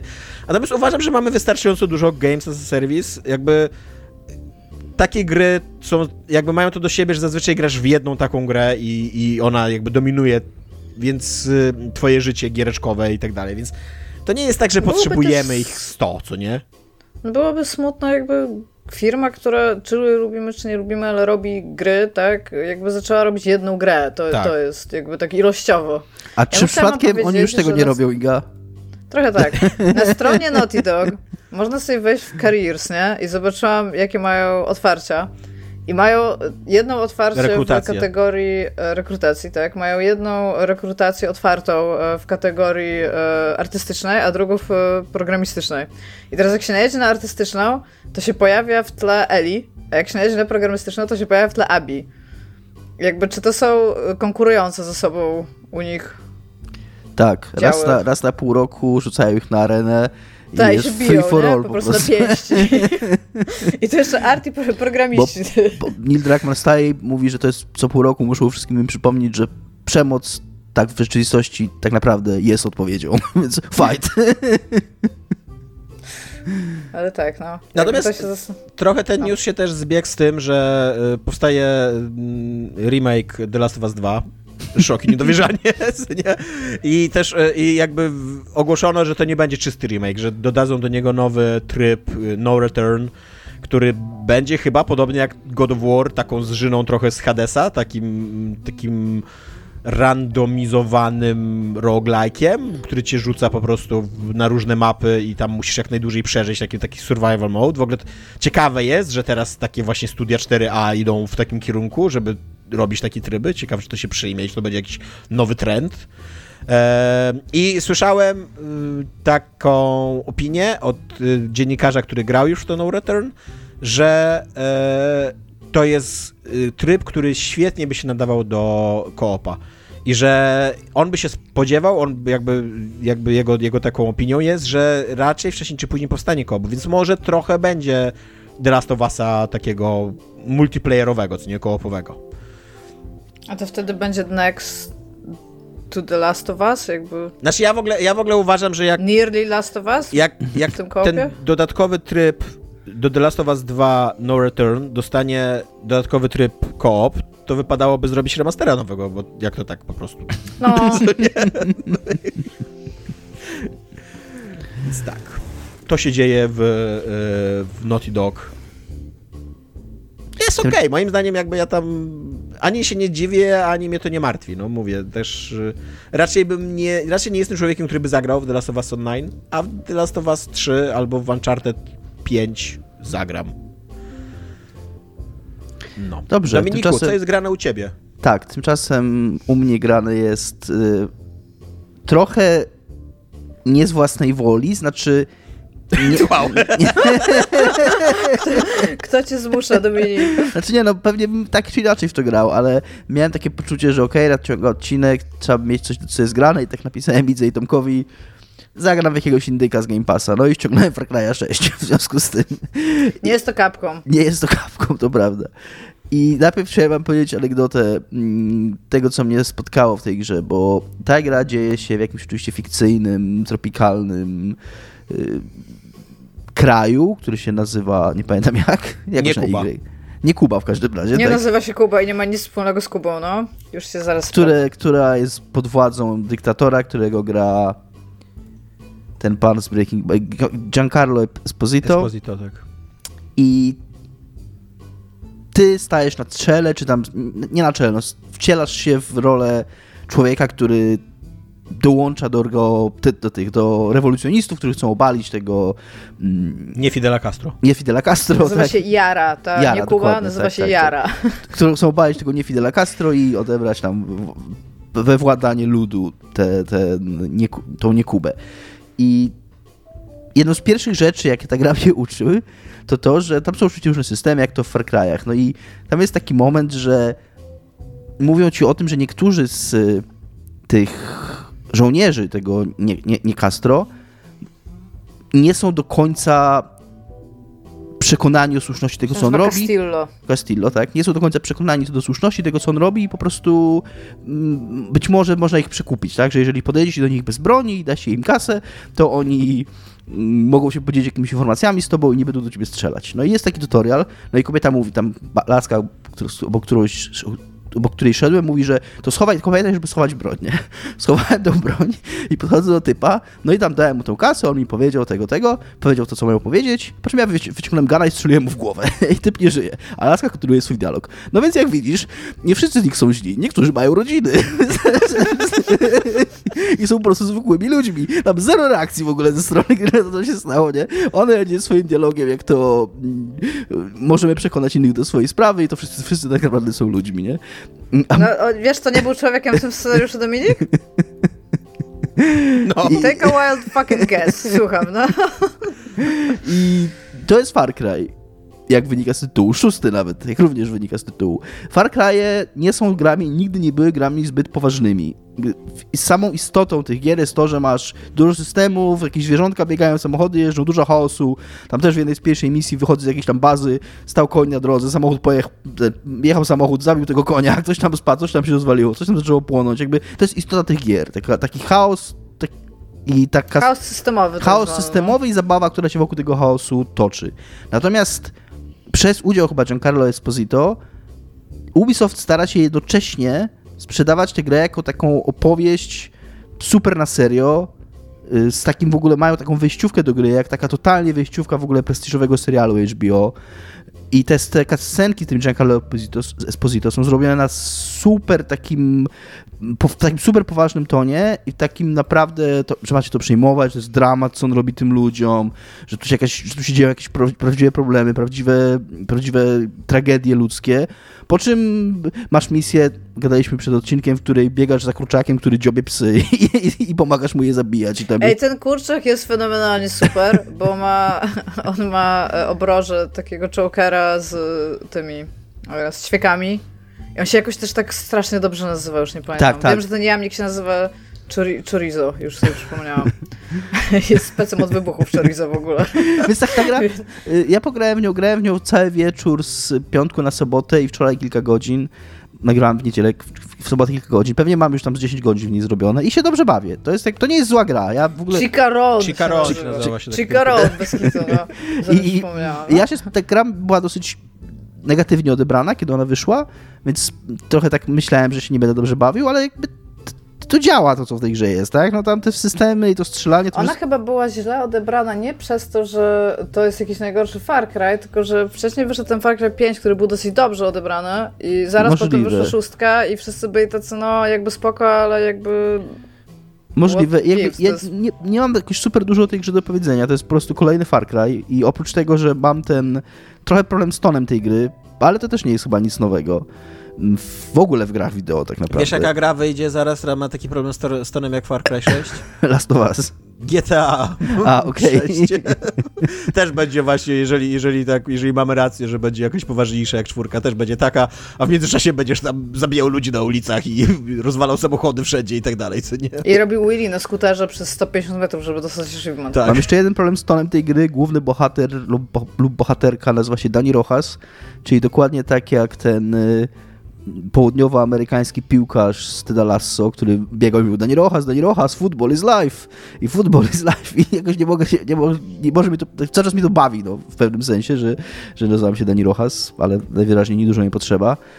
Mm, i ta gra ma poza tym z takich rzeczy, na które zwróciłem uwagę, ma fatalne AI, to znaczy inaczej, to AI jest ewidentnie zrobione na rozwałkę, na to, że masz biegać i strzelać jak chcesz się poskradać, to ono zupełnie nie działa.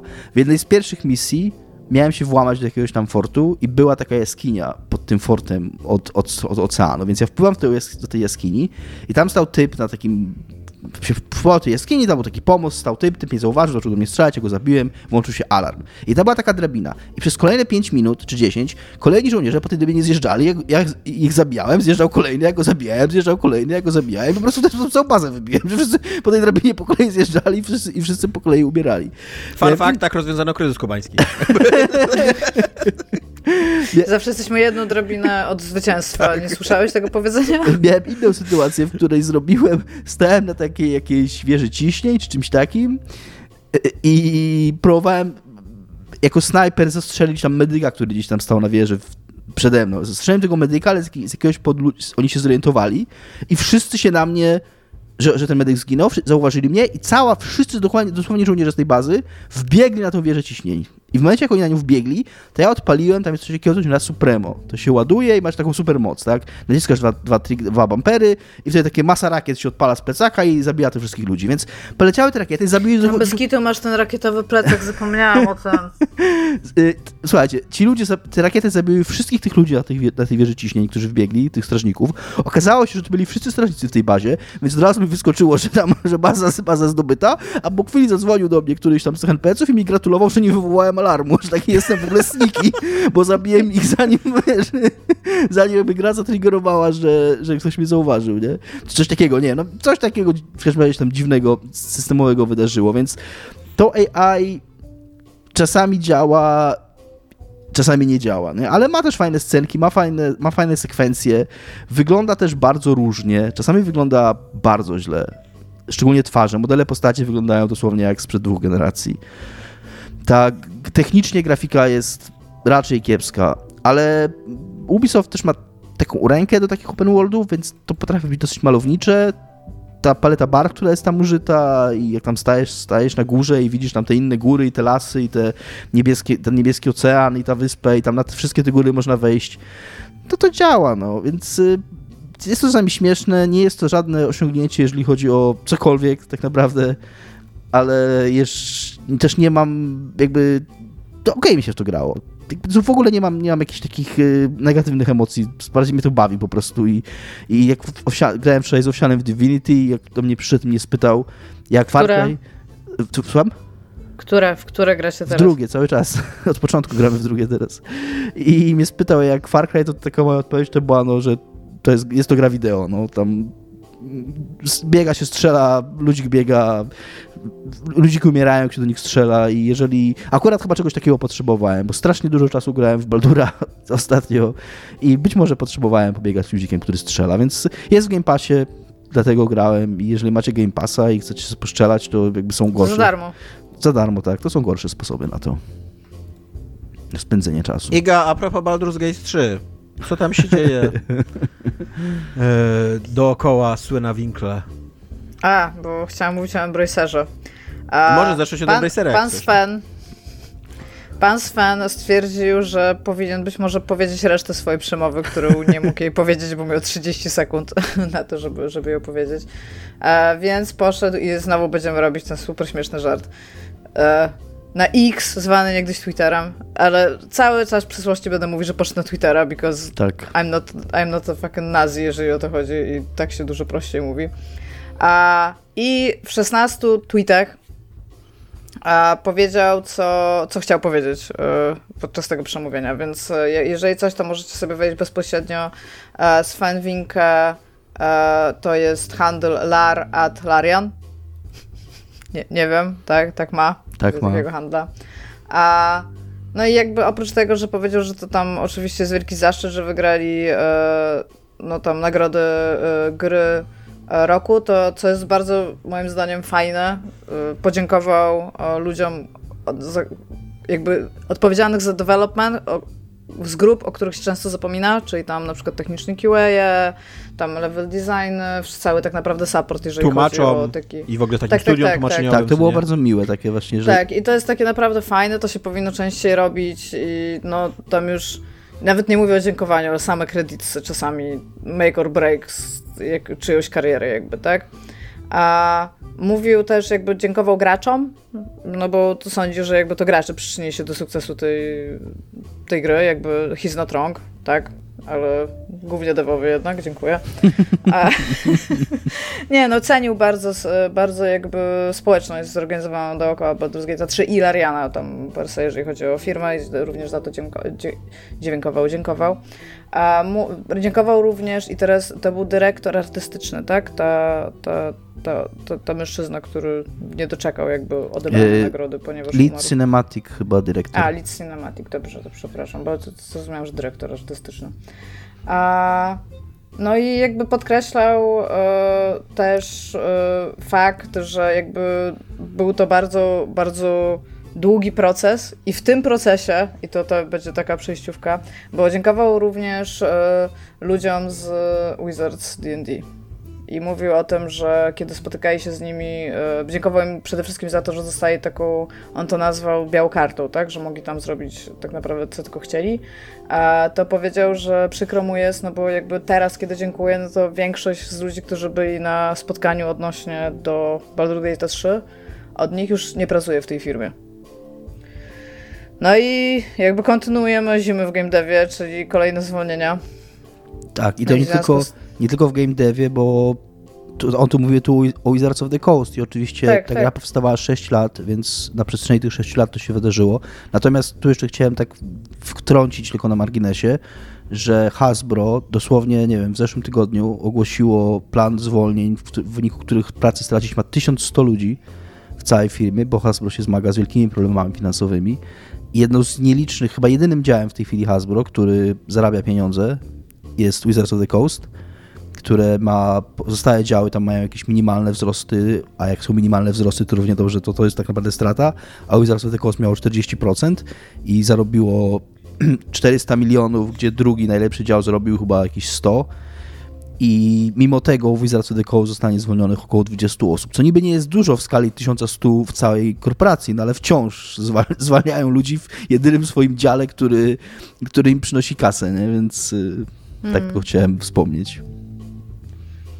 Ja bym tylko chciała powiedzieć, że w tym tweetie też nie jest jakoś jawnie powiedziane, że zostanie zwolnieni. Może oni też odeszli, niektórzy mm -hmm. z mhm. nich, no ale jakby w każdym razie y, zmieniło się to na tyle, że ludzie, z którymi on rozmawiał podczas preprodukcji jakby Baldur's Gate 3, tak, no to już, już ich nie ma. Tak, czyli że de facto ludzie odpowiedzialni za tam zielone światło dla największego sukcesu gierkowego tego roku już nie pracują w, no nie wiem, czy w Game Day w ogóle, na pewno w tej firmie, w której pracowali, w której podejmowali tu decyzję, żeby to był, żeby tą grę, ta gra wyglądała tak, jak mm. wygląda, co nie? I, I żeby oni mieli taką swobodę artystyczną, jaką mieli, co nie? A jakby domniema się, że duża część sukcesu mm, Baldur's Gate 3 właśnie wynika z tego, że Larian miał bardzo dużą swobodę i, i mogli zrealizować swoją wizję, co nie?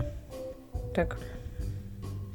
No, ale w każdym razie e, Embracer Group ponownie zwania ludzi. E, przypominam, że w zeszłym kwartale zwolni 5% całej grupy Embracer inwestycyjnej, jakby, znaczy całą 5% ludzi w firmach, które wykupiła firma inwestycyjna Embracer Group, o tak, 900 osób. Bo te 5% brzmi tak sobie, ale w zeszłym kwartale zwolni 900 osób. W tym momencie e, jakby trafiło na duńskie 3D Realms oraz podwykonawcę, taki właściwie powerhouse, który tam również istnieje i to jest Sleepgate Ironworks. Oni się zajmowali supportem i portingiem bardzo wielu gier. E, no natomiast e, w tym momencie na Twitterze, zwanym teraz jako x.com, bardzo wielu deweloperów e, z tych dwóch firm po prostu e, wyszło z informacjami na temat tego, że właśnie stracili pracę i szukają czegoś dla siebie. Jest to też o tyle niefajna sytuacja, bo tak jak wiemy, jaki jest okres no, przed świętami, e, Rodriguez napisał o tym piosenkę, jeden z najsmutniejszych piosenek na świecie, o tym jak pan stracił pracę dwa tygodnie przed świętami. I jakby potem nic nie było lepiej. A a więc, więc tak, no Embracer jakby wystosował do tego odpo odpowiedni e, dla tego typu korporacji e, jak się, jak się, wniosek, nie wniosek, oświadczenie. No jakby oświadczenie, tak, w którym mówiło, że informowało już przecież e, odnośnie do tego, że będą robić restrukturyzację. Rzeczywiście ta restrukturyzacja była ogłoszona przed inwestorami, bo e, nie, wy, nie wyszło im w zeszłym roku e, w ogóle mieć jakikolwiek tam chyba zysk, a już w ogóle nie ten zysk, który założyli. Nie wyszła im, nie wyszła im mm, fuzja z innym fundem, bo, bo Embracer to jest fundusz. To, miliardy. Tak, tak i oni chcieli, się, oni chcieli się zmerdżować z innym funduszem, takim mm, też arabskimi pieniędzmi głównie. E, I to nie wyszło, to nie zostało dogadane i w ostatnim możliwym momencie podobno jakby podjęto decyzję, że nie, że jednak tego nie robimy z jednej albo z drugiej strony, nie wiem. No tak, no i przez to teraz tak. muszą troszeczkę ograniczyć jakby swoje wydatki, a troszeczkę jakby podwyższyć swoje zyski, bo to o to chodzi głównie, żeby to mogli się dobrze utrzymać. W związku z tym, tak jak pamiętamy, Embracer jakiś czas temu wyprzedawał swoje IP, a teraz zaczęli po prostu zwalniać ludzi i restrukturyzować firmę. No i tak jak mówili, e, do końca 2024 roku, marca, czyli wtedy, kiedy się tak naprawdę otwiera nowy rok fiskalny, bo to jest chyba pierwszy quarter, tak? Z tego co pamiętam, od marca się liczy no będą restrukturyzować i te zwolnienia będą się działy. Więc to, to nie jest tak, że jakby. Yy, że są, oni tak napisali trochę w tym oświadczeniu, że nie będą komentować poszczególnych firm, w sensie poszczególnych tych wniosków, wnia znaczy wniosków, e, poszczególnych zwolnień, natomiast wniosek jest taki, że oni mają jakoś tak to opracowane, żeby totalnie ograniczyć jakiekolwiek wydatki na rzeczy, które w tym momencie nie przynoszą zysków. A jak wiadomo, gier się nie robi w jeden kwartał, a tym bardziej, w, znaczy nie, nie robi się go w trzy kwartały, a tym bardziej jeden, więc najprawdopodobniej po prostu z, tego, z tych swoich IP i firm, które pokupowali, będą w tym momencie zwalniać ludzi, żeby oni nie no, żeby nie trzeba było im płacić pieniędzy. To jest tak naprawdę o to chodzi, żeby w tych Excelach im się na samym końcu to wszystko jak najbardziej zgadzało. E, to, co powiedzieli, to, to jeszcze, że najpierw będą informować yy, pracowników, więc być może o tyle dobrze, że ci pracownicy nie będą się tego dowiadywać z mediów społecznościowych i newsów, bo tak też było przez jakiś tam ostatni czas. Mm. Natomiast jest to mało pocieszające, szczególnie mówię, w tym, w tym okresie, co teraz się dzieje, no to to jest jak się, jak się domyślam, chociaż czy to jest Dania, więc pewnie mają jakieś ochronę, jakby swoje, swoich tam jakieś i odprawy albo coś, no mam, mam przynajmniej taką nadzieję, bo jeżeli były na jakichś kontraktach, no to może być troszeczkę gorzej. A oni będą, znaczy w sensie yy, Embracer mówi, że kolejny raport kwartalny będzie w lutym, więc być może wtedy to się uspokoi. No ale musimy zobaczyć. Jakby Tomek obiecał. Wszyscy troszeczkę czekamy właśnie, że to się wygasi w marcu przyszłego roku. Tak, wtedy, Tomek, już, nowy, nowy Tomek już obiecał, że tak będzie. Ja czekam na to teraz.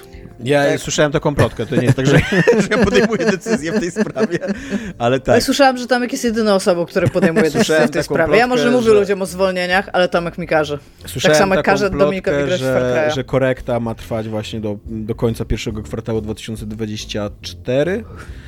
E, I też ostatnio czytałem na Twitterze też jakąś taką quasi mm, analizę ciężko powiedzieć na ile wiarygodną, na ile nie. No jakby człowiek był z branży, co nie, ale to wiecie, zawsze takie mądrości twitterowe to jest, to jest bardzo, bardzo mało wiarygodne i takie bardzo płynne. W każdym razie pisał tam, że największe firmy game devowe podobno znowu zaczęły zatrudniać e, rekruterów i firmy rekruterskie i że to świadczy o tym, że znowu się szykują do jakby poszerzania swojej bazy pracowników i, i robienia nowych projektów jakby taki odważniej, co nie? I tak dalej. I jeszcze co ciekawe, pisał w tej e, takiej quasi-analizie, że paradoksalnie to, że teraz w tym roku dochodzi do bardzo wielu zwolnień, już przynajmniej 7 tysięcy ludzi zwolniono z, w tej branży e, i to jest wzrost o 700%, 700% rok do roku, co nie? E, że paradoksalnie to może doprowadzić do jakiegoś wysypu indie gier za kilka lat, ponieważ e, część z tych ludzi jest zwalnianych z dużych korporacji i z wysokich stanowisk. I oni zazwyczaj dostają duże odprawy, co nie, jakby jak się likwiduje takie stanowiska. I zdarza się, że oni później inwestują te odprawy w założenie własnego indie studia, no bo jakby dalej chcą pracować w tym, w, ty, w tym e, przemyśle, mają nagle pieniądze, mają know-how, bo robili gry przez całe życie i wiedzą jak to robić i po prostu postanawiają zainwestować to we własne studio. Podobno tak było z tym pierwszym, e, naszy, no z takim renesansem gier wideo w latach tam dziesiątych i człowiek tam spekulował, że być może też tak będzie. Że, że, że to, że dzisiaj jest tak źle, może za kilka lat zaskutkować tym, że będzie dużo duży wysyp być może Czyli dobrych na, gier indie. Na glebie użyźnionej ciałami, trupami game devów wyrosną piękne nowe indyki. Być może. Tak. Zakwitną, zakwitną Jak indyki pisał znowu. poeta, no. No jest smutno ogólnie. Jest smutno. Tak, i ja, ja do tego bym chciał powiedzieć, że e, przy całym tym temacie mm, jeszcze gorzej wyglądają moim zdaniem The Game Awards, które, bo, bo to, to wszystko, co napisał właśnie Winkl, co, co, co tutaj Iga streszczała, e, on miał wygłosić na The Game Awards, mu nie pozwolono i jakby de facto no właśnie nie było na, na największej imprezie... A, jeszcze dodał na sam koniec, że Blight 3 jest teraz na Xboxie. Co, tak. Przy okazji dosyć śmieszny żart znowu zrobił, bo zrobił to jako... Też o tym Osobny dodatkowy tweet. Jako, tak? jako dodatkowy tweet, 17 na 16. E, tak, i jakby to, to, to miała być przestrzeń na tej, na tej niby taki, taki wielkiej imprezie celebrującej gry wideo i w ogóle i twórców wideo i tak dalej, co nie? I jakby człowiek najbardziej do tego predysponowany, czyli zdobywca głównej nagrody, szef studia, które, które zdominowało ten rok, jeżeli chodzi o gry wideo, co nie? Chciał się ująć za ludźmi, którzy są zwalniani i on tam jeszcze w ogóle kończy całą tą przemowę takim, takim stwierdzeniem, że pieniądze są środkiem do celu, a nie celem, nie? W, w grach wideo. Że, tak, że są e, na ideologii budowane. Tak. E, I po prostu mu nie pozwolono, więc, więc trochę bullshit, kurde, że to jest celebracja gier wideo. To jest po prostu y, y, Jeff, Dominik, jak on ma na imię? Killy, Jeff Killy. Jeff Killy, tak. E, Jeff Killy po prostu stworzył, wydaje się, po prostu imprezę, która ma sprzedawać, ma sprzedawać reklamy, miejsce reklamowe, co nie? I, yy, i tyle, co nie? I, i całe to, cały ten bullshit o celebracji, jakby trochę, trochę mi się wydaje, że wraca Kiri do tego, do tej swojej persony człowieka od y, Doritos. Doritos i Mountain Dew? Tak. nigdy nie przestał nigdy nie być przestał, no właśnie. Ja przez moment miałem takie wrażenie, jak, jak wiecie, jak on e, tak bardzo głośno wystąpił w obronie Hideo Kojimy, co nie? Pomimo tego, że to jakby osobiste względy po prostu chciał swojego partnera życiowego, co nie? chronić. Ale jednak było to dosyć odważne, co nie? Że na, tym, na, na, na takiej wielkiej imprezie bardzo wprost wystąpił przeciwko Konami z takim płomiennym przemówieniem i tak dalej, co nie?